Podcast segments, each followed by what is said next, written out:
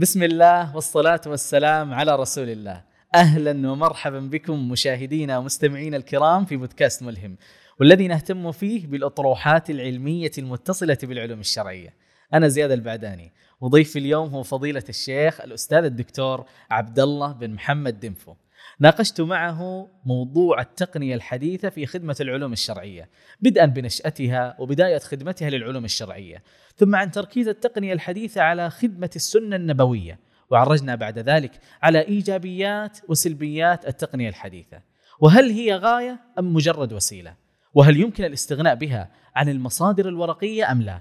ثم تناولنا بالذكر أبرز البرامج التقنية في خدمة العلوم الشرعية وختمنا بذكر واقعها والتطلعات المرجوة منها. أرجو لكم متابعة ممتعة. حياكم الله شيخ عبد الله. يا أهلا وسهلا حياكم الله وشكرا لكم على هذه الاستضافة الله يحفظكم الكريمة في هذا البرنامج المفيد واسال الله لكم التوفيق إن شاء الله. اللهم آمين الله يحفظكم ويرضى عليكم نورتونا وانستونا. الله يحييكم الله يسعدكم وأحييكم وأحيي كذلك المشاهدين والمتابعين لهذا البرنامج الجميل. آمين يا رب. آه، التقنية الحديثة شيخنا آه، متى نشأت وعلاقتها بالعلوم الشرعية؟ آه، متى بدأت يعني في خضم أو خدمة العلوم الشرعية بشكل عام؟ طيب الحمد لله رب العالمين والصلاة والسلام على أشرف الأنبياء وسيد المرسلين سيدنا ونبينا محمد وعلى آله وصحبه أجمعين. أنا كان عندي شغف بالتقنية في خدمة تخصص الحديث الشريف يعني من فترة يعني ليست قريبة وقد أفدت منها مرتين في حياتي العلمية. حينما كتبت بحثا من أبحاث الترقية لأستاذ مشارك ثم بعد ذلك كتبت بحثا آخر من أبحاث الترقية للأستاذ وفي كلا البحثين آه، ركزت على آه، بيان أهمية التقنية الحديثة في خدمة العلوم الشرعية والسنة النبوية على وجه الخصوص. وكنت قبل ذلك في فترة دراستي في مرحلة الدكتوراه يعني تقريبا من 1411 إلى 1415 في جامعة الإمام. آه، آه، اكتشف بعد ذلك أو اخترع أو آه، ظهر آه، ظهرت أول موسوعة في خدمة السنة النبوية عندما كان التعامل من خلال الأقراص المدمجة يعني السي دي. وعندما شرعت في آه، البحث الأول كنت أبحث فعلا جوابا على هذا السؤال الذي طرحتموه. متى بدأت نشأة التقنية؟ ف توصلت إلى أن أول جهاز حاسوب آه، أنشئ واخترع كان عام 1945 يعني في أربعينيات القرن الماضي آه، بالميلادي طبعا. وصف هذا الجهاز بأن وزنه آه، ثلاثون طنا. وأخذ مساحة آه، صالة كبيرة تقدر ب 1500 متر. وكان الهدف من هذا الجهاز إنما هو حساب الأرقام. لسه ما دخلنا على الحروف والكلمات والجمل والتالي الكتابة إنما يعني كان هدف اختراع هذا الجهاز إنما إنما هو حساب الأرقام. في عام 1951 آه، اخترع أول حاسوب آه، يحول الأرقام إلى حروف. ولذلك يعني يلاحظ الذين يتعاملون مع الحاسوب خاصة المختصون في آه، علم الحاسوب أن الحروف الضوئية هذه التي تطلع التي تخرج على الشاشة لو قرب قربت ستجد أنها أرقام. ولذلك نفهم لماذا يعني آه، أطلق على التقنية الحديثة العالم الرقمي. لأن البداية كانت بالأرقام. آه وتخيل أنني آه وفي معرض البحث عن نشأة التقنية. كنت أبحث كذلك عن يعني أول جهاز استخدموه لحفظ المادة العلمية وهي الآن نعرفها الآن باسم الفلاش أو ال USB أو ال hard disk فإذا بي أكتشف من خلال صورة أن شركة IBM وشركة IBM هذه من أوائل الشركات الرائدة في صناعة الحاسوب. صنعت أول جهاز أو مخزن آه، يجمع المادة العلمية كما ذكرت. عام 1956 1956 حجم هذا الوعاء يعني أكبر من أكبر ثلاجة ثلاجة تتخيلها. آه، يحملونه رجلان يدفعونه دفعا على مسار حتى يصل ويدخل في شاحنة مثل الشاحنات التي نراها الآن آه، وهي تنقل الأطعمة والأغذية والسلع. هذه كانت بدايات نشأة الحاسوب. طبعا مهم جدا أن نعرف هذا حتى يعني نشعر بالنعمة التي أنعمها الله بها علينا حينما سخر هذا الإنسان بعقله البشري الصغير والأداة التي ميز بها عن سائر المخلوقات آه، كيف كانت بداية هذه الحواسيب التي لا يستغني عنها الآن الناس في واقعنا المعاصر. كيف كانت وكيف أصبحت؟ وطبعا لو أطلقنا لأنفسنا كذا آه، الأعنان حتى نتخيل ما الذي يمكن أن يأتي في المستقبل أتصور أنه لا حد لهذا التصور أو التخيل. هذا فيما يتعلق بنشأة الحاسوب.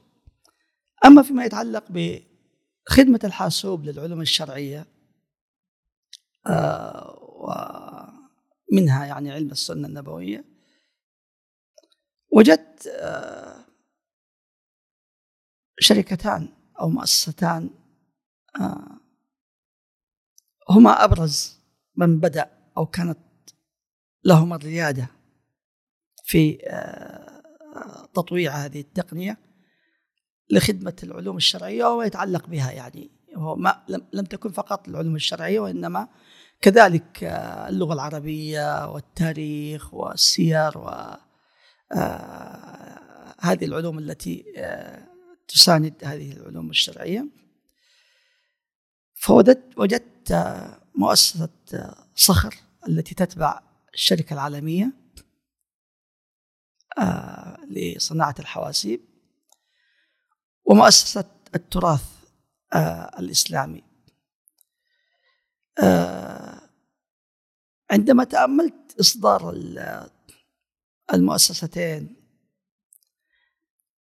وجدت أن الهدف عند كل مؤسسة آه، مختلف تماما عن هدف المؤسسة الأخرى. وبالتالي يمكن أن نقول بأن التكامل حصل من خلال هذين آه، يعني أو هاتين المؤسستين آه، مؤسسة صخر أرادت أن تهتم بدقائق العلم. بالتالي خدمة الجانب التخصصي في العلم. مؤسسة التراث أرادت أن تخدم الجانب البحثي. ومعنى الجانب البحثي هنا أن أصل إلى مظنة المعلومات. كنا نتعامل مع مئات بل قل آه، آلاف الكتب الورقية. والآن نريد أن ننقل هذه المادة العلمية التي في المكتبات الورقية الضخمة إلى محتوى رقمي وإلى العالم الرقمي. ولذلك آه، كانت شركة صخر لأنها أرادت أن تركز على دقائق العلم. آه، كانت المصادر قليلة. يعني ولذلك بدأت طبعا في البداية كانت صحيح الإمام البخاري لكن آه هذا لم ينتشر إنما الذي انتشر إنما هو إصدارها موسوعة الحديث الشريف الكتب التسعة. فإذا اعتمدت على مادة علمية لتسعة لتسعة يعني مصادر أو تسعة كتب آه من كتب آه السنة آه النبوية. في حين أن آه، مؤسسة التراث أرادت أن آه، تجمع أكبر قدر ممكن من المصادر المختلفة في العلوم المختلفة لأنها لم تهدف آه، التخصص الدقيق ودقائق العلم وإنما هدفت إلى أن توصل الباحث إلى مظنة وجود المعلومة سواء آه، حديث أين يوجد علم أين ترجمته آه، مكان آه، غريب أين ذكر كلمة غريبة من شرحها وهكذا. من خلال الهدفين هذين الهدفين نجد أن مؤسسة التراث وجدت نفسها أمام فريقين من العاملين الذين ستستعين بهم في بناء آه، إصداراتها. إما آه، مختصون في الحاسب الآلي. آه، لا صلة لهم بالعلم الشرعي والعلوم النظرية. وإما مختصون في العلم الشرعي. لا صلة لهم بالحواسيب لأنها في تلك الفترة كانت يعني جديدة يعني. على العلم وعلى البحث العلمي. فطبعا اختاروا الفريق الأول. فريق الذين آه، لهم دراية ومهارة بالتعامل مع الحاسوب لكن لا حظ لهم بالعلم الشرعي. وكان هدفهم هو نقل المادة العلمية من الكتب الورقية إلى الأوعية الرقمية فحصل طبعا هنا في البدايات اللي هي إشكالات السقط والتحريف والتصحيف والتداخل في آه، الإصدارات الأولى لهذه لهذه البرامج. لكن هم خدموا في جانب أنهم وسعوا دائرة المصادر وفي حين أن مؤسسة صخر قللت دائرة المصادر لكن كان الإتقان في التخصص الدقيق. بداية شركة صخر كانت عام 1982 عندما أنشئت شركة صخر التابعة لشركة العالمية. آه، لكن في عام 1985 أنشأوا مركزا لخدمة التراث الإسلامي والعربي ثم في هذه السنة أصدروا هذا الإصدار الذي هو يسمى بموسوعة آه، الحديث الشريف الكتب التسعة وكان مقتصرا على الكتب التسعة فقط. وهي يعني لا تخفى على يعني يعني كثير من أهل العلم خاصه المختصون في العلم الشرعي صح صحيح البخاري ومسلم السنن الأربعة أبو داود والترمذي والنسائي وابن ماجه. وموطأ مالك والدارمي وكذلك مسند الإمام أحمد. طبعا في عام 1988 أصدروا الإصدار الثاني. وزادوا شروحا لهذه الكتب. فأصبحت مصادر البرنامج يعني تقريبا 18 مصدرا. من 1988 نقفز قفزة يعني كبيرة كذا إلى 2014 حينما آه، أمر خادم الحرمين الشريفين الملك عبد الله بن عبد العزيز رحمة الله عليه بإنشاء جامع آه، خادم الحرمين الشريفين لخدمة السنة النبوية. وطبعا فيها يعني سيأتي الحديث عنها ومحتواها فيما يتعلق بالكتب يعني. هذا طبعا آه، مؤسسة التراث آه، بدأت آه، عام 1993 وكان طبعا في البداية على كما قلت الأقراص المدمجة. فأخرجت برامج عديدة. في التاريخ مثلا تاريخ دمشق في الفقه جامع الفقه الإسلامي.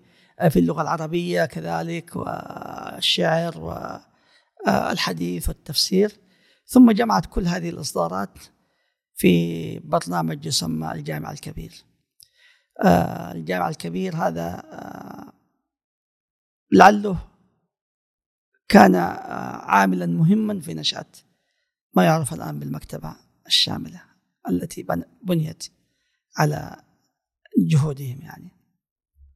يا سلام آه يلاحظ من خلال السرد هذا إنه عناية كبيرة من آه يعني الحريصين على إدخال أو الاستفادة من التقنية في خدمة العلوم الشرعية آه على حرصهم على جانب أو علم السنة النبوية بشكل يعني أكثر وأظهر من غيره. فلماذا هذا لماذا هذا التركيز ولماذا هذا يعني الميلان نحو هذا العلم بخلاف غيره من العلوم؟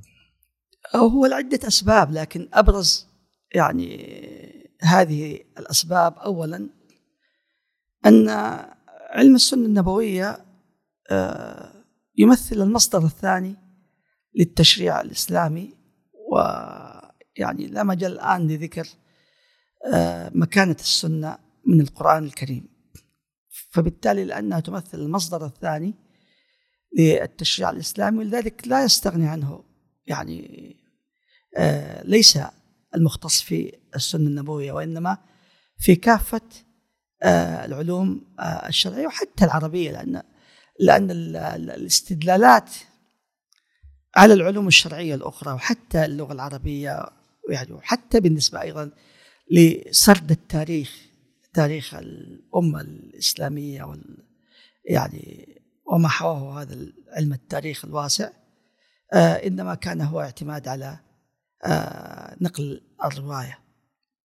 آه، فلذلك نجد أن الجامعات تقرر مادة التخريج ودراسة الأسانيد مادة عامة لكافة العلوم الشرعية لأن المختص في الفقه يحتاج إلى الأدلة وهي من أدلة آه، الأحكام الفقهية السنة النبوية.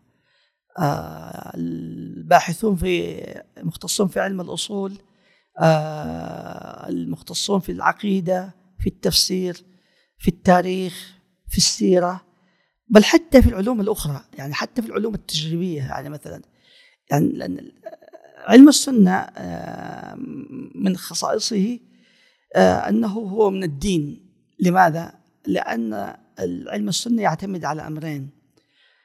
آه، المتن متن الحديث سواء كان حديثا مرفوعا إلى النبي صلى الله عليه وسلم أو موقوفا على الصحابة أو على التابعين. آه، فتنقل هذه الأنواع من أنواع الحديث باعتبار قائله بواسطة آه، رواة سند. فهو الذي يسند ويعطينا الثقة بأن هذا آه، المتن المنقول آه، يحتج به فيؤخذ ويعمل به أو لا يحتج به بالتالي يترك ولا يستدل ولا يستدل به. ولذلك وجدنا كتبا مثلا في الطب الطب النبوي الإمام أبو نعيم الأصبهاني المتوفى سنة 430 يروي جميع أحاديث هذا الكتاب الذي مضمونه الطب بالأسانيد حتى يثبت صحة هذا الطب إلى آه، النبي صلى الله عليه وسلم آه، ومن حوله من الصحابة من خلال الأحاديث المرفوعة والأحاديث كذلك كما قلنا الموقوفة. بل قد تتعجب إذا قلت لك أنه حتى في آه، علم الرياضة البدنية نجد أن أبا نعيم كذلك الأصبهاني له كتاب مطبوع اللي هو جزء في رياضة الأبدان. إذا فتحت هذا الكتاب وهو يتكلم عن الرياضة يروي الإمام أبو نعيم الأحاديث والمتون بأسانيده هو. وهناك كتاب آخر لا يقل أهمية عنه هو كتاب الفروسية للإمام ابن القيم. تعرف أن كتاب الفروسية للإمام ابن, قي... ابن القيم مما أثبت من خلاله الباحثون إمامة الإمام ابن القيم في أدق علوم الحديث ألا وهو علم العلل الخفية من خلال كتاب الفروسية الذي ألفه عن مضمون يتعلق برياضة الأبدان يعني. ف يعني هذا هذا سبب من الأسباب التي يعني آه تجعل آه, آه، أهمية آه، خدمة السنة ل أو خدمة التقنية الحديثة للسنة النبوية. السبب الثاني وهو كذلك مهم أن علم السنة النبوية يتعامل مع الروايات وأقصد بالروايات ليس المتون. فقط وإنما الطرق التي روت لنا آه هذه المتون.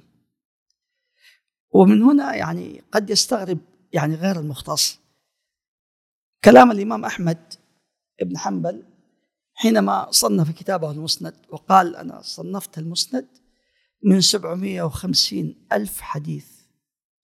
يعني طريق فالمتن الواحد مثلا قد يرويه صحابي واحد أو عدد من الصحابة فإن رواه مثلا صحابي واحد أخذه عن هذا الصحابي عدد من التابعين وأخذه عن كل تابع عدد من أتباع التابعين وهكذا إلى عصر التدوين وبالتالي آه، يعني اعتبر كتاب الإمام أحمد المسند هو من دواوين كتب السنة ووصف بأنه فعلا يحوي ثلاثين ألف حديث بالطرق.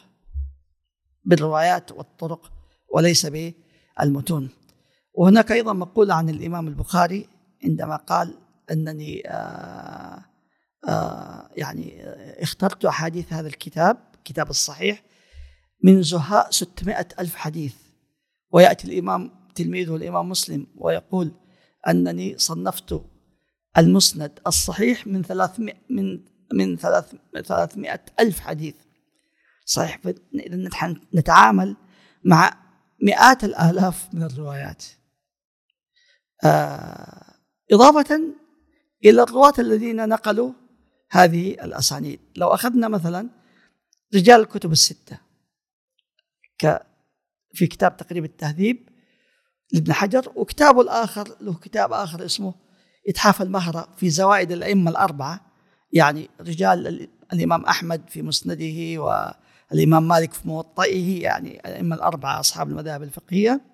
لو جمعت تراجم الرواة في الكتابين ستظهر لك النتيجة عشرة ألاف خمسمائة أو ثلاثة وخمسين ترجمة. فإذا أنت تتحدث عن آه، آلاف مؤلفة من الروايات والطرق وكذلك آه، آلاف من الرواة. من يستطيع أن يحصي هذه الآلاف المؤلفة من الروايات والرواة؟ التقنية التي تساعد على هذا. يا سلام. لكن آه، يعني يعني متعلق بهذه النقطة يعني هل الاقتصار على خدمة السنة النبوية هو فقط لكونها يعني بهذه بهذه الآلية أو أو الخدمة ممكنة في موضوع البحث مثلا في الأسانيد والروايات يعني آه، تجعل من الصعب مثلا خدمة بقية العلوم الشرعية يعني مثلا الفقه هل يصعب إنه آه، يعني تدخل فيه السنة النبوية بشكل كبير مثل السنة مثل هل يصعب ان تدخل التقنية الحديثة في الفقه مثل دخولها في السنة النبوية؟ لا التقنية الآن التقنية الآن ما تركت علما إلا ودخلت فيه. وهذا لعلنا سنأتي إليه عندما يعني نرى آه، قصور التقنية البرنامج كبرنامج آه، في الإحاطة بكل أوعية المعلومات الحديثة التي ما كانت معروفة إلا عندما ظهرت التقنية الحديثة. فأيضا ترى المكتبات هي إنما اهتمت بالمادة العلمية المكتوبة المؤلفة من حروف وكلمات. لكن التقنية الحديثة الآن في واقعنا المعاصر لا انطلقت إلى آفاق كثيرة لتقريب هذه المادة العلمية واختصار الكتاب الواحد في صفحة تقنية. آه، كما لا يخفى عليكم الخرائط الذهنية مثلا. تقرب فهي سواء خرائط ذهنية في آه، السنة التفسير الفقه الأصول آه، العقيدة التاريخ السير الأخلاق أي علم آخر غير آه، السنة النبوية. لكن آه، لأن البرامج الحاسوبية إنما ركزت على الرواية وهي متعلقة بالسنة النبوية ولذلك ظن أن التقنية تقصر عن آه، أن تخدم بقية العلوم الأخرى. لكن من حيث الواقع الفعل الذي نراه الآن لا نجد أن التقنية الحديثة خدمت علوما شتى. يعني يعني حتى يمكن الذين يعملون الآن في آه، في آه، وسائل الدعاية والإعلان هو تركيز وصلنا على التقنية أكثر من الكلام المكتوب يعني. صحيح. صحيح صحيح آه بالنسبة لي يعني ممكن نقول إيش هي الأمور اللي تتميز بها التقنية وأوجه القصور فيها؟ يعني ما للتقنية الحديثة وما عليها. آه يمكن أبرز آه يعني آه إيجابيات التقنيات خلوني آه أريد أن أبدأ من حدث مر بنا آه، قريبا آه، على العالم بأسره آه، وهي جائحه كوفيد. كيف استطاع الطلاب في مدارسهم وجامعاتهم يعني أن يكملون مسيرتهم العلمية؟ كيف استطاع يعني استطاعت كل الجهات بمختلف تخصصاتها أن تتواصل حتى تكمل المسيره فإذا هذه من من أهم من أهم وأبرز إيجابيات التقنية أنها قربت البعيد. لو أخذنا هذا المصطلح التقريب البعيد في العلم سنجد فعلا أن التقنية قربت البعيد. وأنا يعني دعني أذكر لك مثالا آه، أو أركز على فئة آه، من فئات من يطلب العلم فئة الفتيات والنساء. في السابق يعني قد يكون آه، الطالب العلم الشاب والرجل يستطيع أن يصل إلى المكتبات ويشتري الكتب ويسافر حتى يعني يتحصل على هذه المادة العلمية من خلال هذه المصادر الورقية سواء من المكتبات الخاصة أو المكتبات العامة.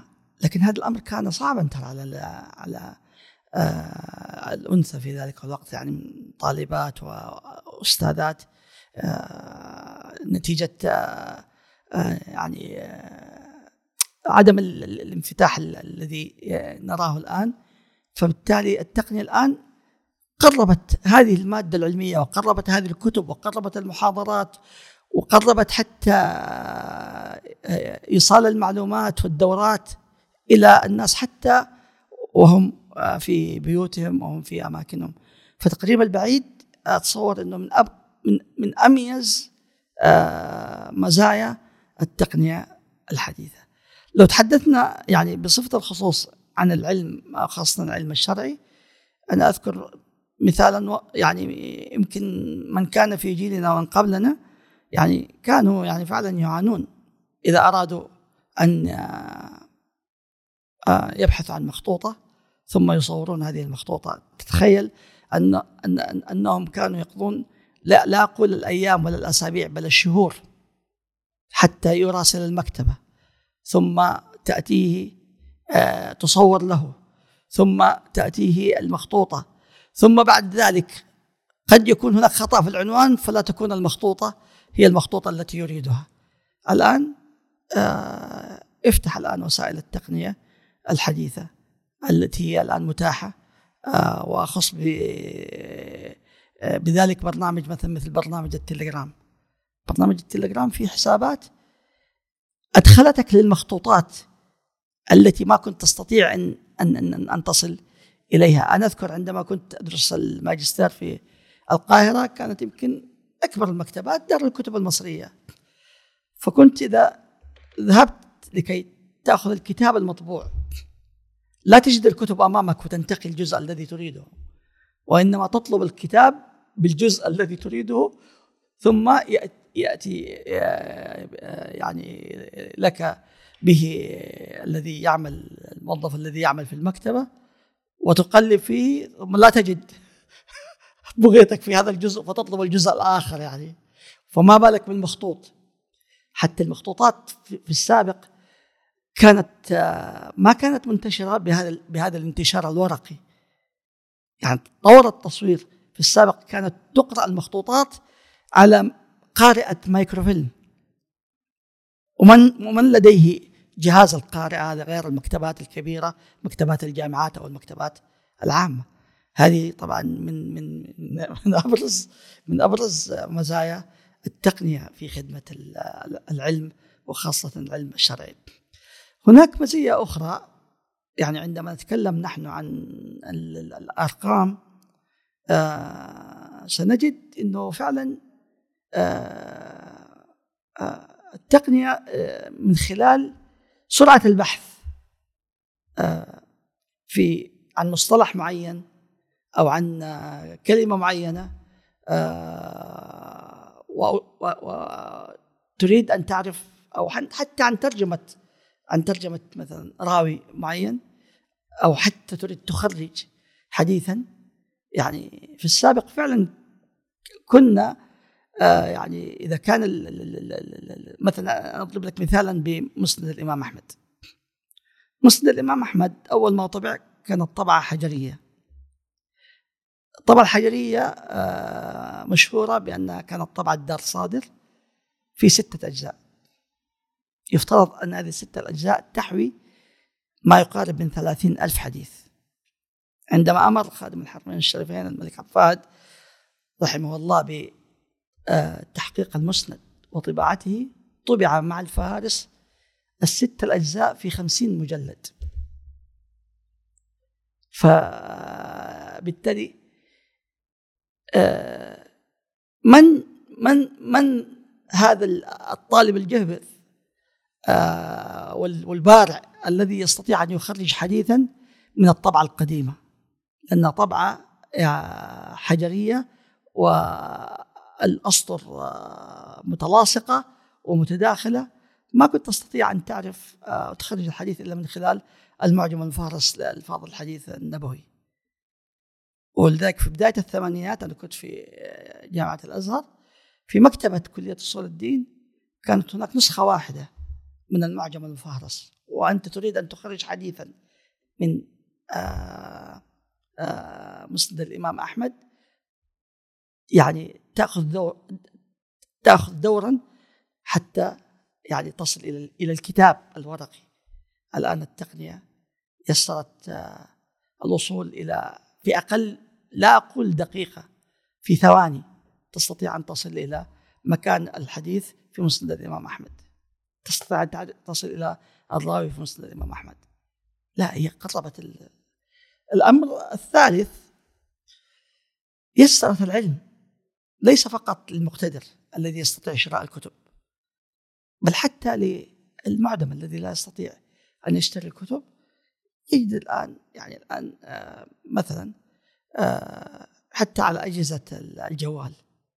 جامع الكتب التسعة 62 ألف حديث برنامج مجاني تكفلت به والدة بدر الراجحي وأبناؤها وبنوا البرنامج وجعله مجانا لطلاب العلم يستفيدون منه. فبالتالي يعني لم لم يصبح العلم يعني قاصرا فقط على أصحاب المقدرة في اقتناء الكتب ويعني شرائها لأنها فعلا وأوصلت المعلومة إلى الإنسان وهو في داخل بيته ومنزله. هذه من أبرز فوائد التقنية. جميل يا سلام.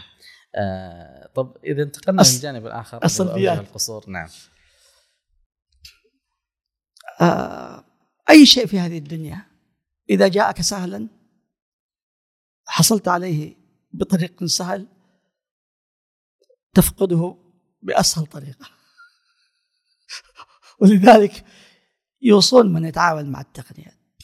إذا لديك برنامج أو لديك مادة علمية لابد أن تحفظ هذه المادة العلمية في أكثر من مكان. الآن ظهرت السحابه الإلكترونية لكن حتى السحابه الإلكترونية إذا كنت في مكان يعني ما في كهرباء. في طريق أو انقطع بك الطريق أو في مكان يعني كذلك يعني فبالتالي هذه يمكن يتميز بها الكتاب الورقي الكتاب الورقي أنت تتأبطه أينما تذهب. بالتالي كما يعني في في القاعدة الأصولية أو الفقهية لك الغن وعليك الغرم ولا تطلب آه يعني شيئا آه حوى كل الإيجابيات بنسبة 100% أو آه آه تزهد في شيء وتظن أنه حوى كل السلبيات 100% حتى الإنسان يعني الإنسان عندما يتعارف مع الآخر أو يريد أن يأنس به أو يصطفيه صديقا يفترض أن لا يطلب إنسانا كاملا لأنه لا يوجد هذا الإنسان المعصوم إلا عند آه، الأنبياء عليهم السلام وقد يعني انتهوا بوفاة النبي محمد صلى الله عليه وسلم. فلذلك لكن هو أهم شيء أن يدرك الإنسان سواء في العلم في التقنية في غير التقنية. أي شيء تقبل عليه لابد أن توطن نفسك بأن لك الغنم وعليك الغرم فتحتاط أن تحتفظ بما غنمت بما غنمت وكذلك أيضا أن تحرص على أن يعني لا تقع فيما آه، يوقعك في الغرم. جميل. يعني ممكن نقول إنه السلبية الأولى وجه القصور الأول هو آه، يعني سهولة أو أو أو سهولة فقد المعلومة. أو نحو ذلك. إن الإنسان قد يعني آه يريد الوصول لها في وقت معين مثلا ما عنده نت أو ما عنده أو في مكان يعني لا, لا تتوفر فيها الخدمات سواء الكهربائية أو غيرها. وان كان هذا يعني قليل حصوله لكن ممكن مثلا يعني غيرها من الحوادث اللي تحصل اللي لا يتمكن الإنسان من الوصول إلى إلى مطلوبه بسرعة. فممكن هذه يمكن نقول السلبية الأولى. إيش ممكن كمان غيرها؟ السلبية الثانية تعطيل الملكات تعطيل الملكات العقلية التي حباها الله حباها الله للإنسان. للأسف. هذا نجده يعني إحنا في المجتمع الأكاديمي نجده واضحا تمام الوضوح. وهذا التقنية لا تولد عالما. لا تخرج عالما. لماذا؟ العالم الذي يتعامل مع الكتاب عندما يريد أن يصل إلى المعلومة في داخل الكتاب. ماذا يفعل؟ اولا حتى يعرف ان أن مظنة المعلومة هو هذا الكتاب لابد أن يقرأ عنوانه بتمعن ثم يقرأ المقدمة ليرى محتوى الكتاب ثم يقرأ الخاتمة لكي يصل إلى نتائج جهد المؤلف في صفحات الكتاب في الخاتمة والتي فيها أبرز النتائج والإضافات لهذا الكتاب.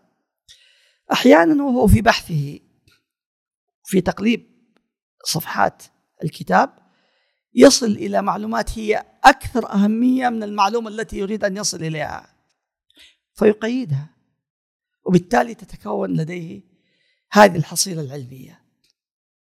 لكن تعال الآن الذي يحصل عند كثير حقيقة من طلاب العلم للأسف وكذلك حتى من المختصين أو المشتغلين بالعلم من الباحثين وغيرهم.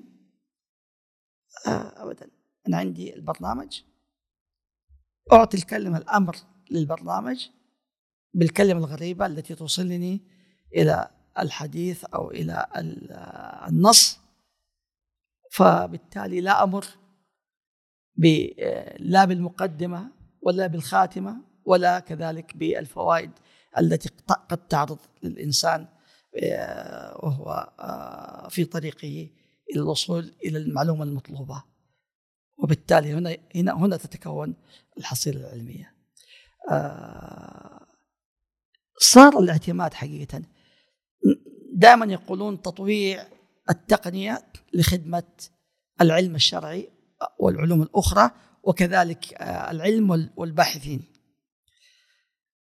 الذي نراه الآن للأسف العكس.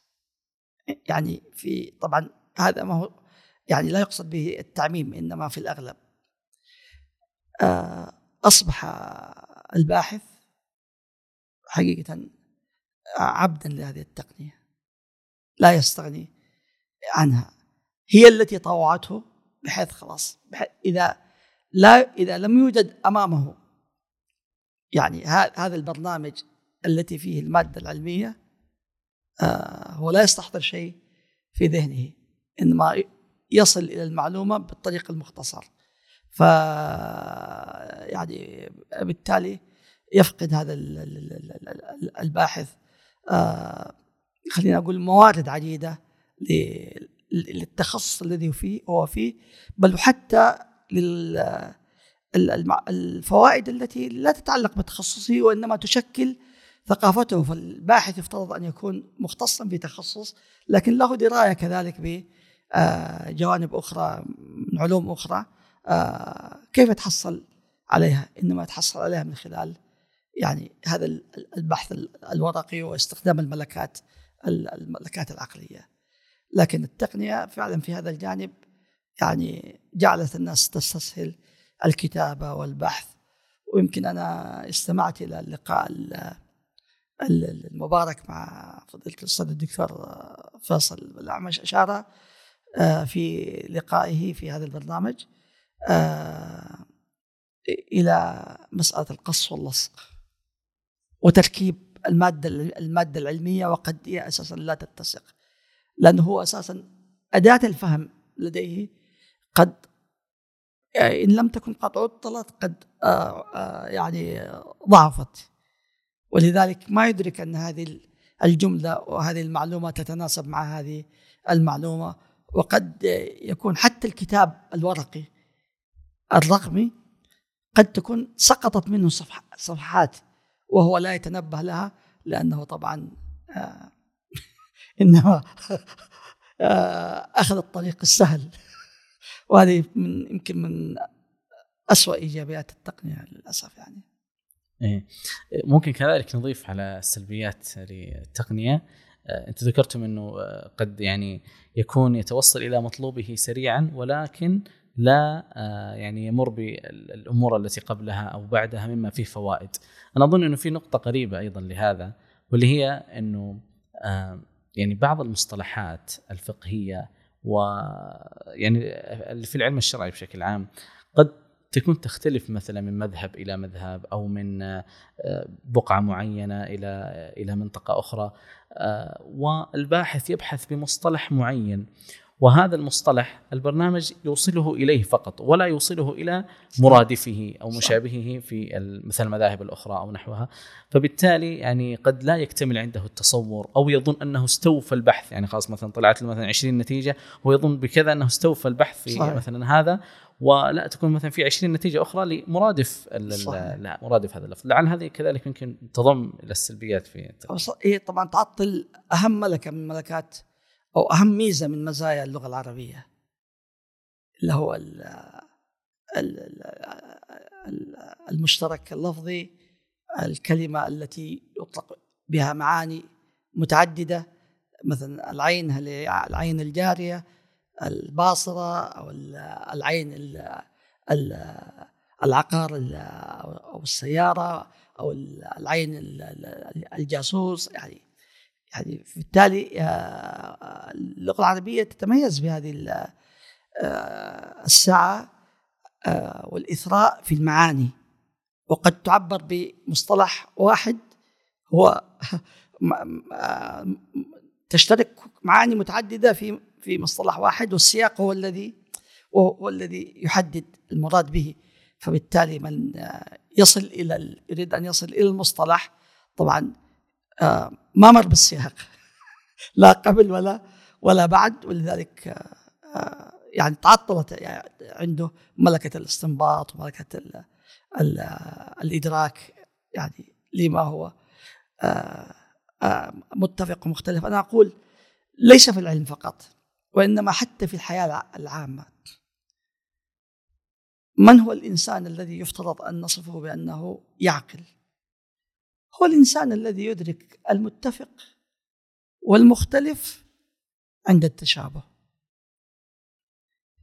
عندما تتشابه الأمور الذي عنده ملكة عقلية دربها على إدراك المتفق فيضمه إلى بعضه والمفترق فيفرقه عن بعضه هذا هو الذي يعقل. لكن الذي يجمع المتفق مع المفترق ويظن أنهما واحد. هو في النهاية يعني ليس في العلم فقط حتى في في في, في أمور الحياة الأخرى. صحيح. آه، هل تشوف شيخنا إنه من سلبيات التقنية إنها سهلت موضوع السرقات العلمية؟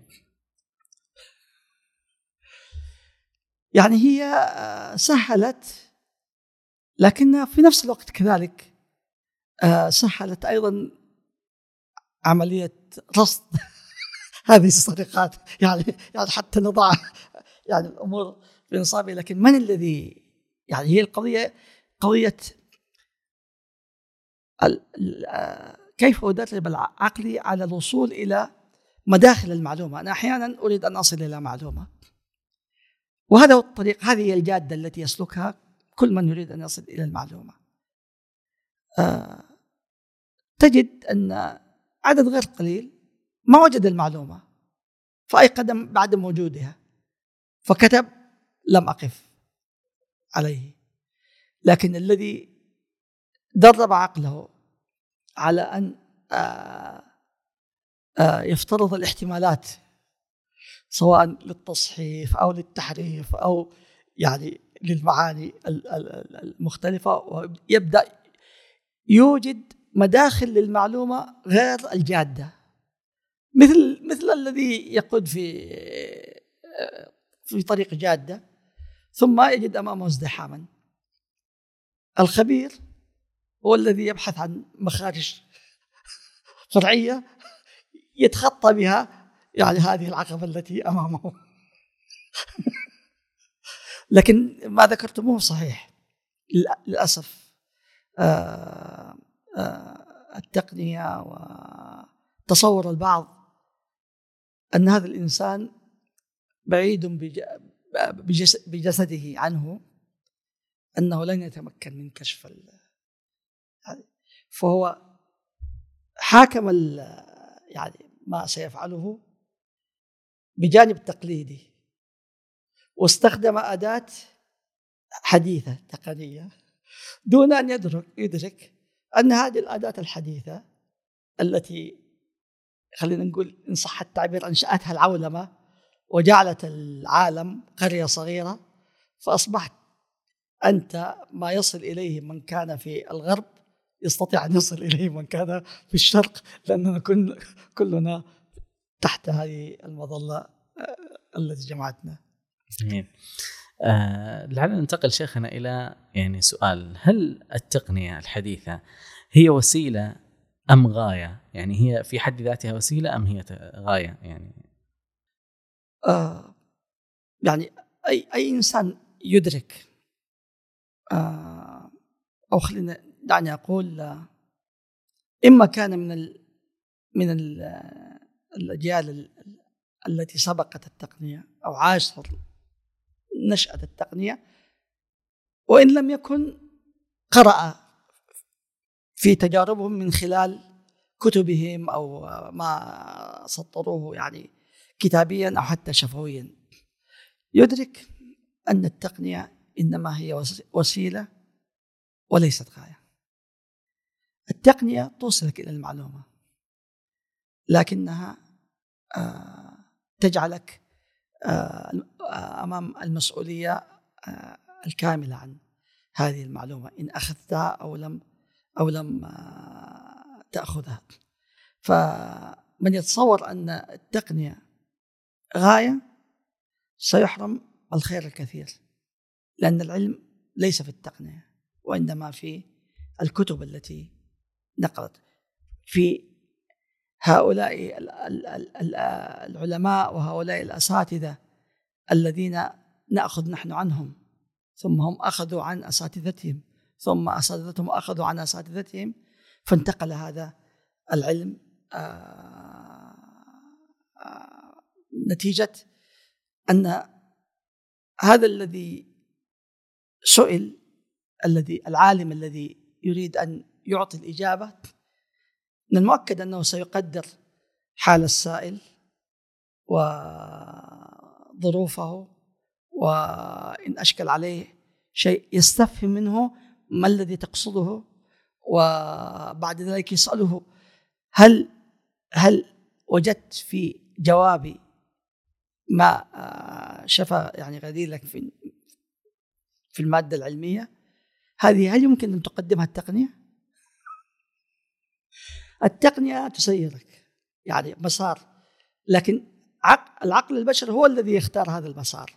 إن ارتضى مسارا واحدا وجد أن لا نتيجة ولم يعدد يعني كما ذكرت قبل قليل مداخل المعلومة آه طبعا اذا التقنية ليست آه غاية وإنما هي وسيلة أصل بها. ولذلك من أكبر الإشكالات في التقنية الحديثة في العلم خاصة العلم الشرعي والسنة النبوية.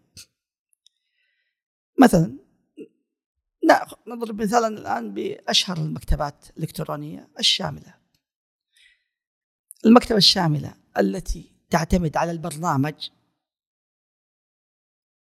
الذي بني على ما ذكرته في مقدمة اللقاء من أن الذين آه نقلوا المادة العلمية من الكتاب الورقي إلى العالم الرقمي إنهم إنما هم من فئة الذين لهم دراية ومعرفة ومهارة بالحاسوب لكن ليس لهم حظ في العلم الشرعي أو العلم التاريخي أو العلم فبالتالي لا يمكن أن يقبل الآن من طالب وباحث يعتمد على برنامج ليس مربوطا بالكتب المصورة. التقنية الآن سهلت اللي بعد آه، اكتشاف أجهزة المسح الضوئي اللي هو يسموه السكانر آه، سهلت أن تصور الكتاب الورقي آه، وتجعله رقميا ثم التقنية أيضا هي ذاتها. سهلت ربط المادة العلمية في البرنامج المنشأ ربطه بالكتاب الرقمي الذي هو يمثل الكتاب الورقي. فبالتالي عندما يعتمد على برنامج ليس مربوطا بالكتاب الورقي سواء كان ورقيا أو رقميا طبعا من المؤكد أنه سيقع في في في الكبائر كما يقولون علماء البحث. العلمي. جميل يا سلام.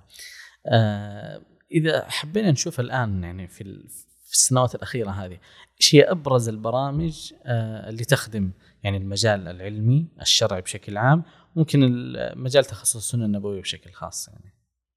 هو فيما يتعلق بالمجال الشرعي المختلف حتى اللغوي وحتى التاريخي المكتبة الشاملة.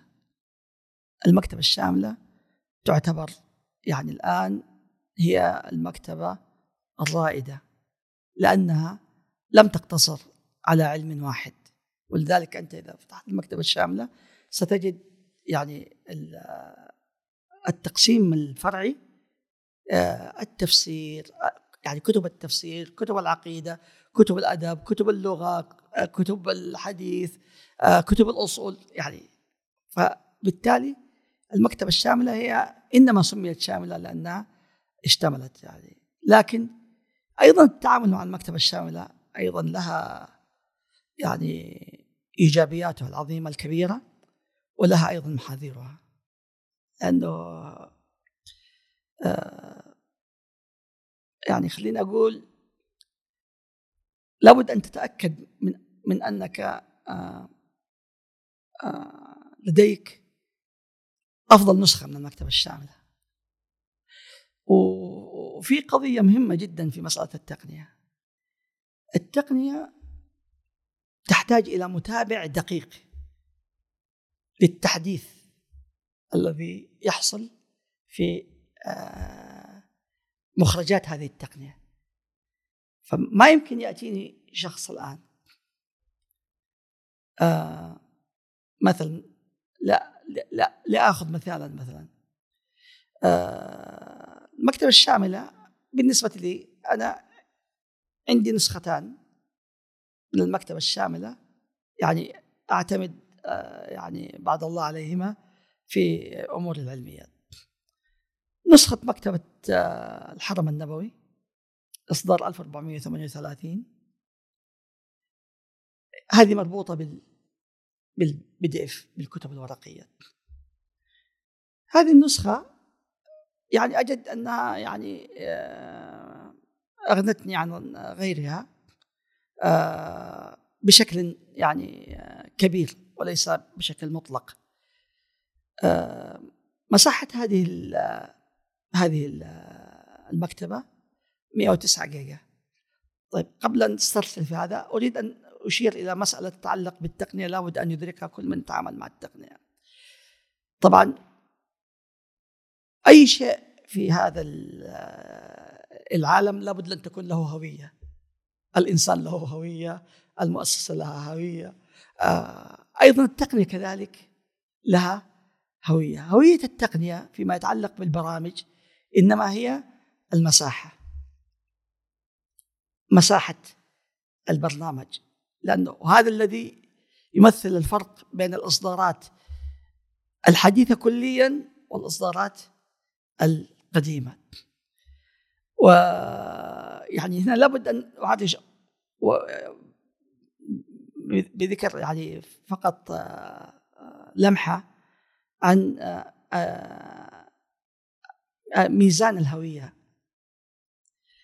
آه، التقنية تعتمد على مصطلحات عدة. هي متدرجة الكيلو بايت وهو أصغر جزء ثم الميجا بايت وهو أعلى منه ثم الجيجا بايت وهو أعلى ثم الآن آه، ظهرت التيرا بايت وطبعا لا أعلم بعد ذلك ما المصطلح الذي سيأتي في مستقبل الأيام. لكن التيرا بايت هي الوحدة الصغيرة الميجا بايت ألف كيلو بايت.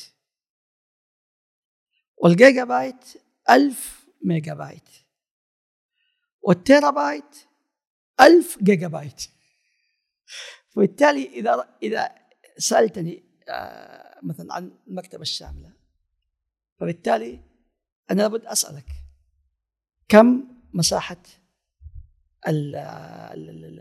البرنامج آه الذي عندك؟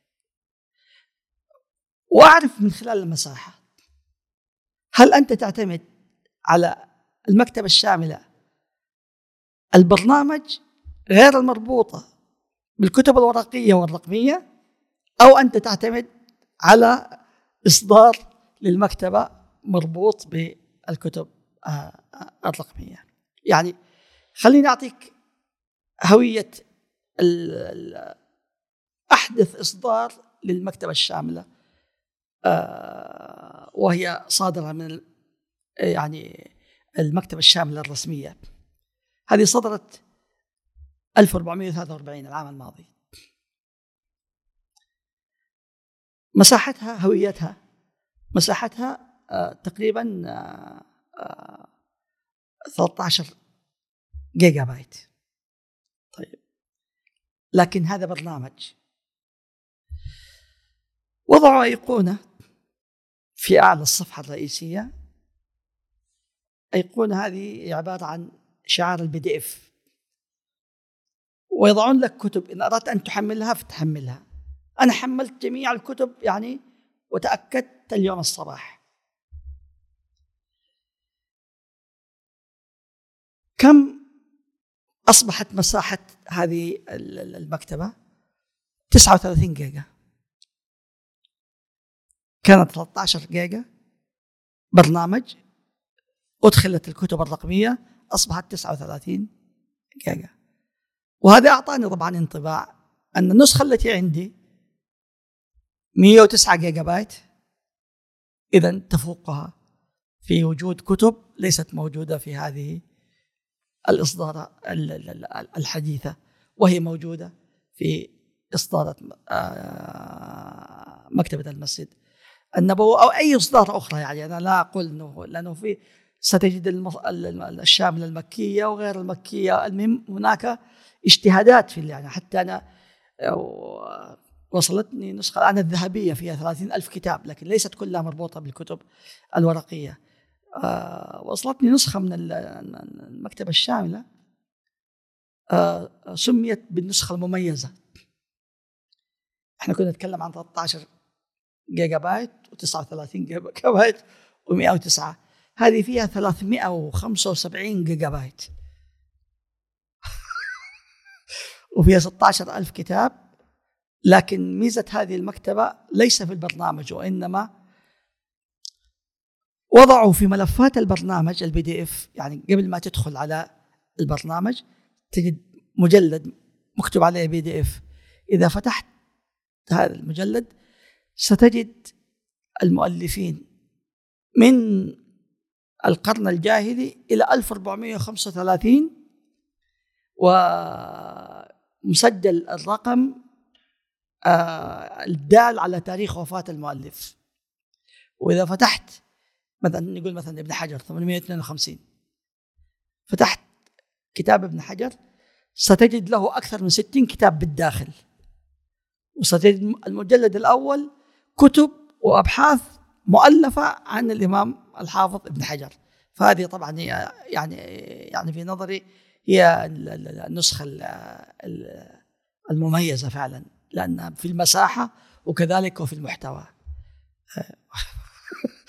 وبالتالي المكتبة الشاملة هي تعتبر أفضل المكتبات لكن لابد أن يعرف من يتعامل مع الشاملة أين هو وما المكتبة التي يستخدمها ثم يبحث عن الأفضل بالنسبة له ويستخدمها طيب شيخنا إيش هي الأمور التي ليست في الشاملة؟ ليست في المكتبه الشاملة.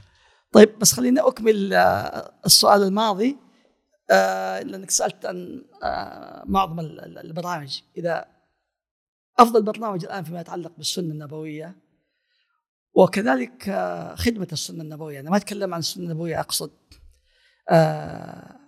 كتب الرواية وكتب الرجال.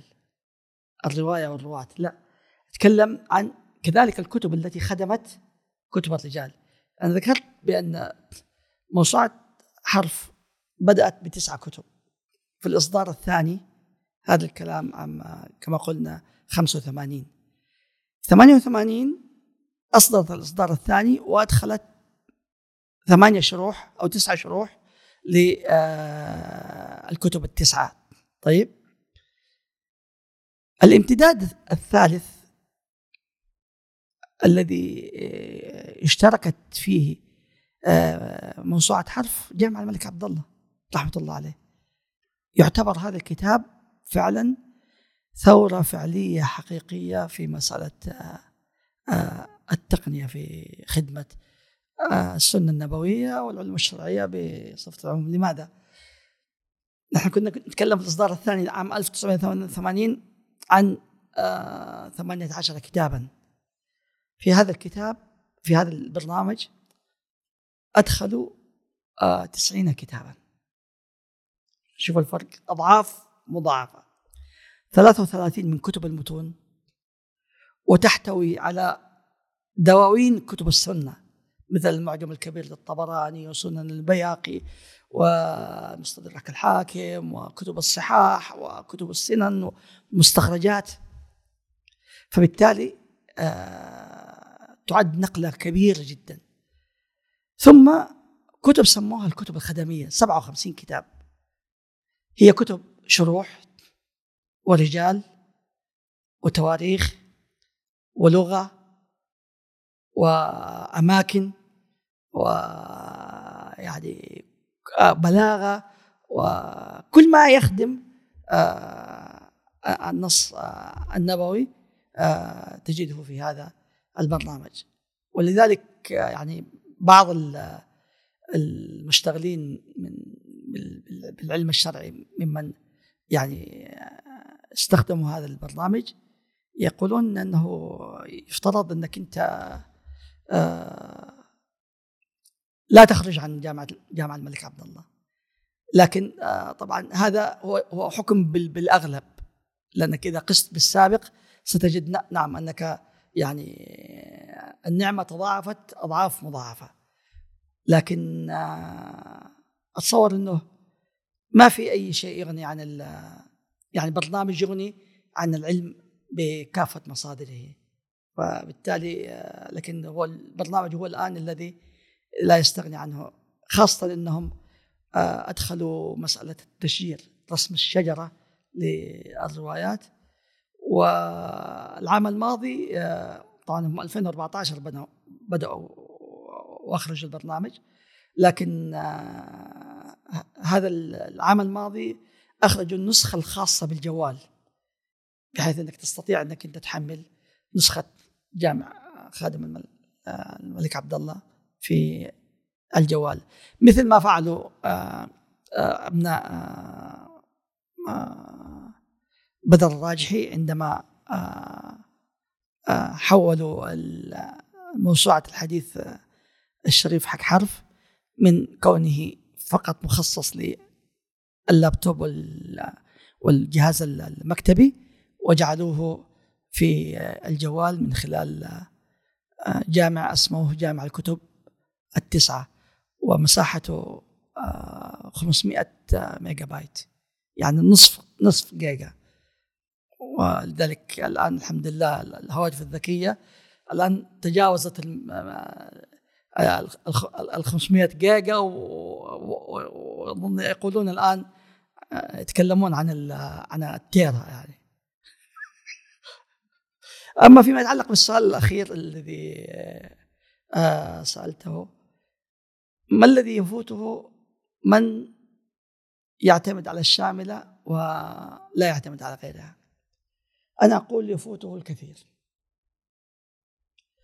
من أبرز الأوعية الحديثة التي خدمت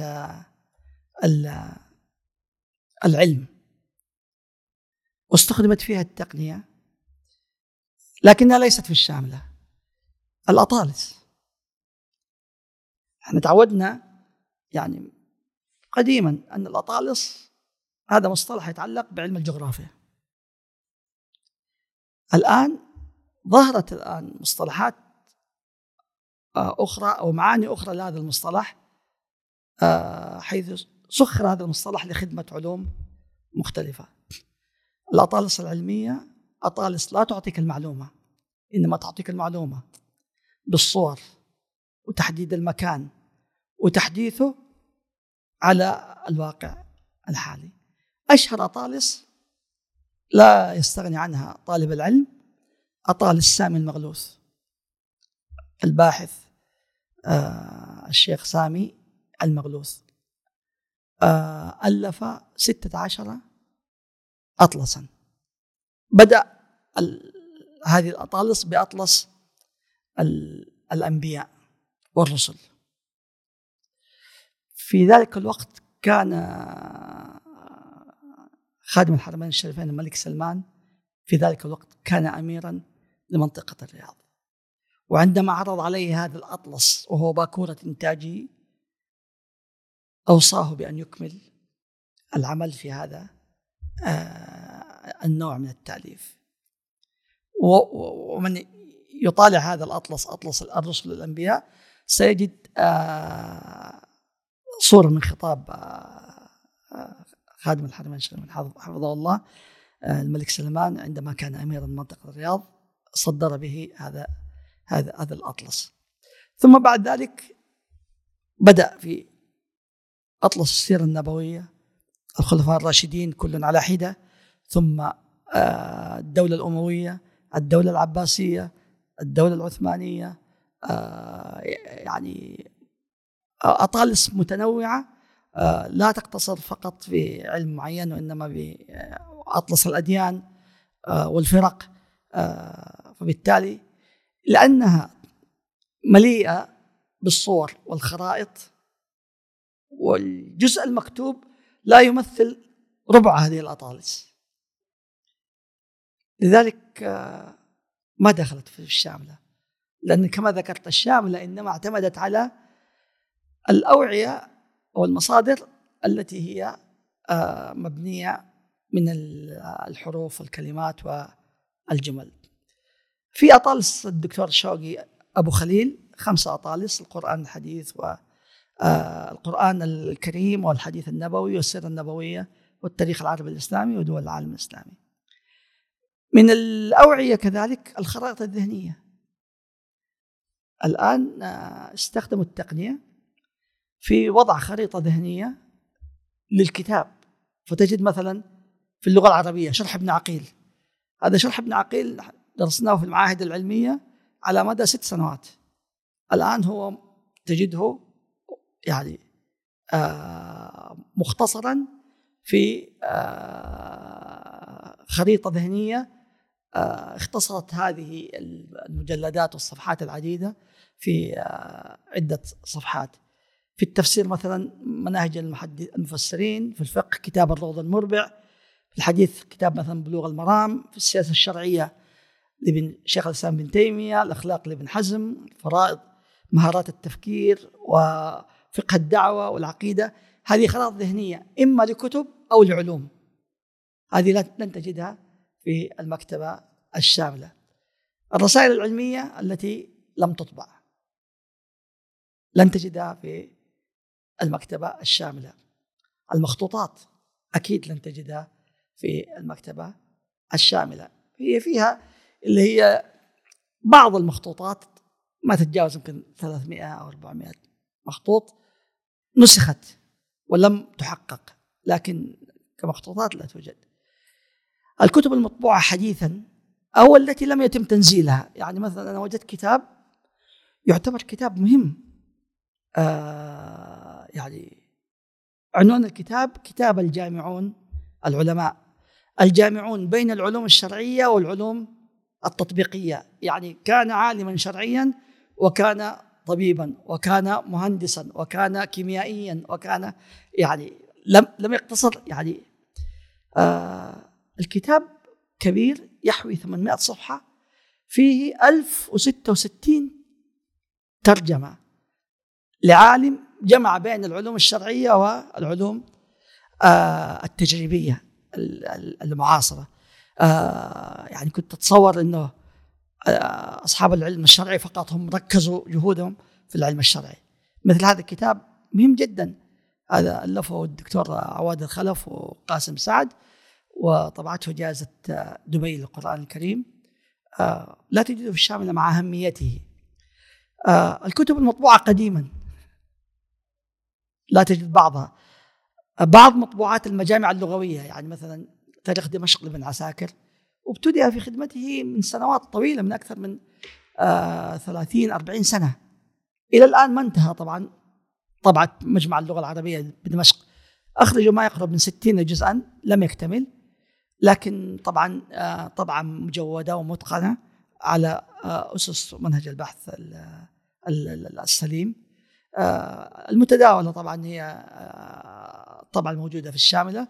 وهي ليست آه يعني مقارنة طبعا بهذه الطبعة ليست آه جيدة.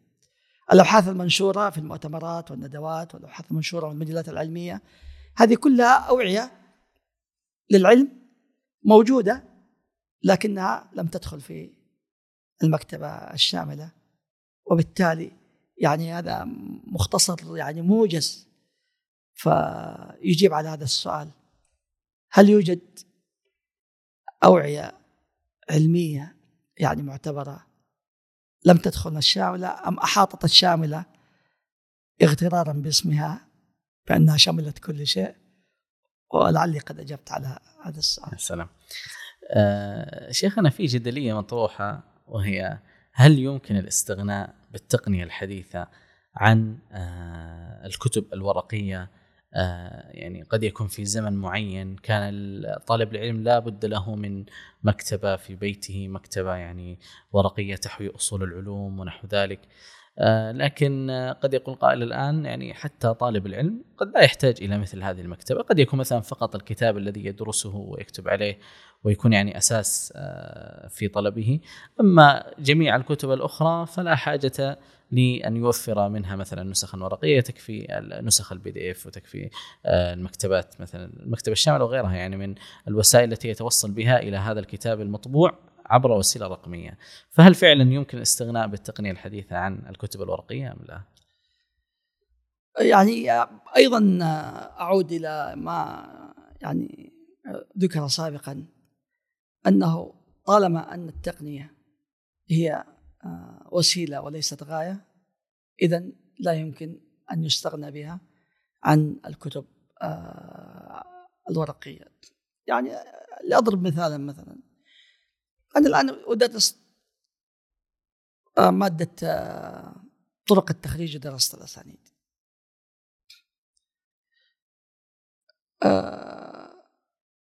كل من كتب في طرق التخريج قديما قبل التقنية يجد أن طرق التخريج لا تخرج عن خمسة آه، آه، يعني أو خمسة طرق. التخريج عن طريق مطلع الحديث أي كلمة في الحديث الراوي الأعلى التخريج الموضوعي وعن طريق موضوع الحديث أو نوع الحديث. التقنية كشفت لنا طريقتين في التخريج آه لم تكونا معروفتين من قبل. التخريج من خلال رقم الحديث أو من خلال أي راوي في السند. فطالما إذن أنها أكملت عمل سابق فهل أغنت عن هذا العمل السابق؟ طبعا الجواب لا. خلينا نعطي مثال. الطريقة الأولى طريقة التخريج من خلال أول الحديث. أهم كتاب ورقي فيه ألفه السلف هو كتاب للإمام السيوطي واسمه جمع الجوامع. هذا جمع الجوامع حوى آه ما يقرب من مئة ألف حديث. طيب. البعض يتصور أنه أنا لو استخدمت البرامج مثلا مثل الشاملة فبالتالي قد يغنيني هذا عن ان أنا آه، أقتني كتاب آه، جمع الجوامع. لكن آه، الإمام السيوطي وضع مقدمة بين فيها منهجه في الحكم على الحديث حيث قسم مصادر الكتاب إلى ثلاثة أقسام. قال قسم لو أنا عزوت إليه فالعزو عزو الحديث إلى هذا إلى هذا القسم أو أي مصدر في هذا القسم فبالتالي هذا يدل على أن الحديث صحيح. وقسم العزو إليه معلم بالضعف. وقسم جمع بين الصحيح والضعيف. منهج السيوطي أن الأحاديث التي أو الكتب التي العزو إليها معلم بالصحة هذه كتبها في مقدمة الكتاب. الذي يتعامل مع التقنية يرى يرى أمامه الحديث ويرى العزو لكن لا يعرف ولا يدرك هل هذا الكتاب المعزو إليه من القسم الأول فأصحح الحديث أو من القسم الثالث فاضعف الحديث أو من القسم الثاني الأوسط وبالتالي لابد أن أتتبع ماذا قال السيوطي هل هو هو لأنه ألزم نفسه أن يحكم عليه أو ينقل حكم إمام سابق. فبالتالي هذا مثال واضح يدلنا على أنه لا يمكن أن نستغني عن هذا الكتاب آه، لأنني لو استغنيت عنه أنا لن أعرف منهجه في هذا في هذا الكتاب. وبالتالي كيف أستطيع أن أنقل حكم الإمام السيوطي على الحديث إذا أنا ما عرفت أن فقط إني اعزو إلى أقول له ذكره السيوطي في جمع الجوامع؟ طيب ما الحكم؟ نتيجة التخريج اللي هو الحكم على الحديث. فبالتالي لا يغني. إضافة إلى أن الإمام السيوطي وإن كان توفي سنة 911 وهو من المتاخرين من متاخر المتقدمين لكنه عزا إلى كتب مفقودة. عزا إلى كتب مفقودة. وطالما طالما الكتاب مفقود اذا هو ليس مطبوعا.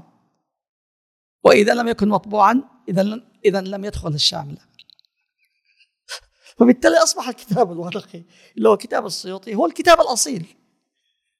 لأنه في في في في منهجية البحث العلمي يقولون معيب على الباحث أن يعزو إلى كتاب متأخر والكتاب المتقدم مطبوع إلا في حالة واحدة. إذا كان الكتاب المتقدم مفقود ويصبح الكتاب البديل المتأخر هو الأصيل مثل كتاب السيوطي. طيب الكتاب الذي عزله الحديث لا يوجد إلا في الكتاب الذي عزى إليه السيوطي وهو مفقود. وطالما مفقود اذا ليس مطبوعا. وطالما ليس مطبوعا اذا لم يدخل الشاملة فبالتالي يعني يمكن هذا يجيب على أنه فعلا لا يمكن أن تغني التقنية عن لا الكتب الورقية ولا على عن الأساتذة والشيوخ الذين نتلقى منهم آه، ما تعلموه ابا عن جد حتى نصل إلى مؤلف الكتاب. آه، التقنية وسيلة وسيلة مهمة لا يستغني أحد عنها. جميل. آه، التقنية الحديثة يعني بشكل عام وفي السنة النبوية بشكل أخص بين الواقع وبين المأمول. إيش نظرتك؟ يعني أيضا حتى لا أطيل في إجابة هذا السؤال أنا أعرف أن الوقت يعني دهمنا لكن أنا أقول آه وأتعجب حقيقة. وأوصي آه طلابي لكن ما أجد استجابة. أقول مثلا لنأخذ الآن كما ذكرنا جامع الملك عبد الله رحمه الله في خدمة السنة النبوية. هذا الذي كما قلت أحدث ثورة آه يعني آه متقدمة يعني في تيسير البحث العلمي للباحثين وحتى الأساتذة المختصين. لكنه عمل بشري تقع فيه الأخطاء بحكم أن الذين عملوا عليه بشر. لماذا لا يسخر البحث العلمي لإكمال هذا العمل الرائع الجميل المفيد وبالتالي آه، يكملون ما يعني أصابه من خلل النتيجة هذه يعني بحكم البشرية التي يعني لأن الاستهداف للجزئية المعينة يعطيك نتيجة قد لا يقف عليها من كان يعني هدفه أن يجمع لك يعني هذه المادة العلمية. فالواقع أن التقنية تقدمت وخدمت بشكل كبير جدا لكن هل هو هذا المؤمن يفترض أن تبذل الجهود ل فعلا تقويم حتى آه، الأعمال التقنية التي صار التي انتشرت وصار الناس يعتمدون عليها. خاصة أن كثيرا من الطلاب الآن صاروا يعتمدون على البرنامج الحاسوبي ولا يرجعون إلى الكتاب الورقي وهذه كمان أيضا مشكله آه، استبشرنا بالاعلان عن إنشاء مجمع خادم الحرمين الملك سلمان للحديث النبوي.